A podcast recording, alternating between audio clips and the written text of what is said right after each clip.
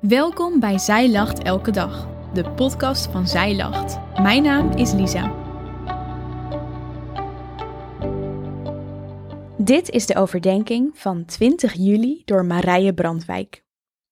Door bepaalde gebeurtenissen in je leven kun je gaan nadenken over moeilijke vragen die heel je leven in een ander daglicht kunnen zetten. Je vraagt je af waarvoor je leeft. Waar draait het nu eigenlijk echt om? Diepere vragen over God komen aan de oppervlakte. Zou ik bereid zijn om alles, om mijn hele leven over te geven aan God? Voor Paulus is het helder. Wat leert hij ons vandaag?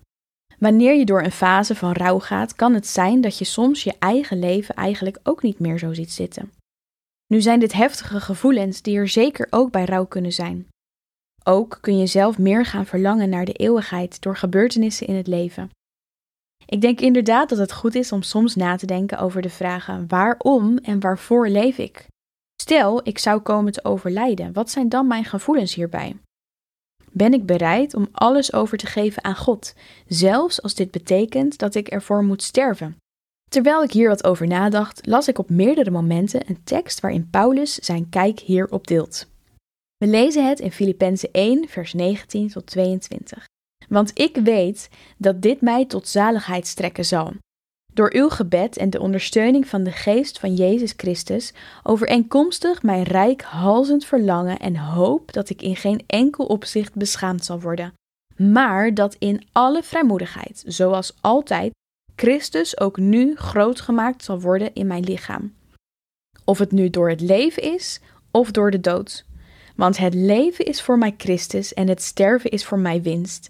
Maar blijf ik leven in het vlees, dan betekent dit voor mij vruchtbaar werk, en wat ik verkiezen zal, weet ik niet. Paulus schrijft deze woorden wanneer hij vastzit in de gevangenis. Met dit in vers 19 bedoelt hij zijn gevangenschap en de moeilijkheden die dat met zich meebrengt. Hij is er zeker van dat Christus altijd trouw zal blijven en hem niet in de steek zal laten of hem zal beschamen. In het gedeelte waar deze teksten staan, heeft Paulus het meerdere keren over bevrijding en verlossing. Aan de ene kant bedoelt hij hier zijn letterlijke vrijlating uit de gevangenis, maar aan de andere kant ook de verlossing in de zin van het eeuwige leven. Zoals we ook verder lezen in de Bijbel, geeft hij zijn leven hier op aarde aan God, om hem te dienen. Het gaat Paulus ten diepste niet om het feit of hij zal sterven of leven, maar hoe hij een trouwe dienaar van God kan zijn en blijven. Hij is zelfs bereid om hiervoor te sterven. Dat gaat ontzettend diep. Proef je zijn toewijding? Paulus laat zien dat hij met zijn leven, maar ook met zijn sterven, God groot zal maken. Hij zegt zoals altijd, alsof het niets is dat Paulus dat altijd al deed in zijn leven. Ik vind het ook zo bemoedigend dat wanneer iemand sterft, daar veel van uit kan gaan.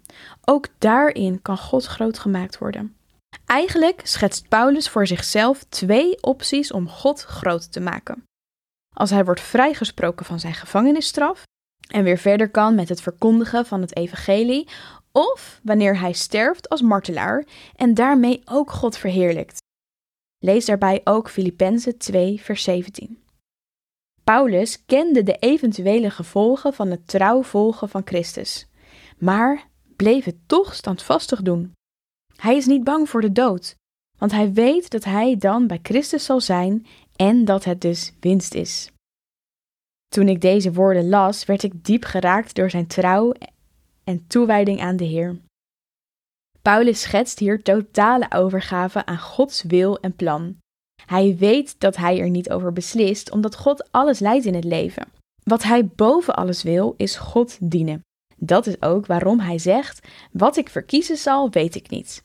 Hij geeft het in Gods handen, want die handen weten waar ze Paulus uiteindelijk willen hebben. Dankjewel dat je hebt geluisterd naar de overdenking van vandaag. Wil je de overdenking nog eens nalezen? Check dan onze website. Je vindt daar ook nog meer toffe dingen die jou helpen om de Bijbel vaker te openen, zoals boeken, Bijbels, cursussen en evenementen. Morgen ben ik weer bij je terug met een nieuwe overdenking. Tot dan!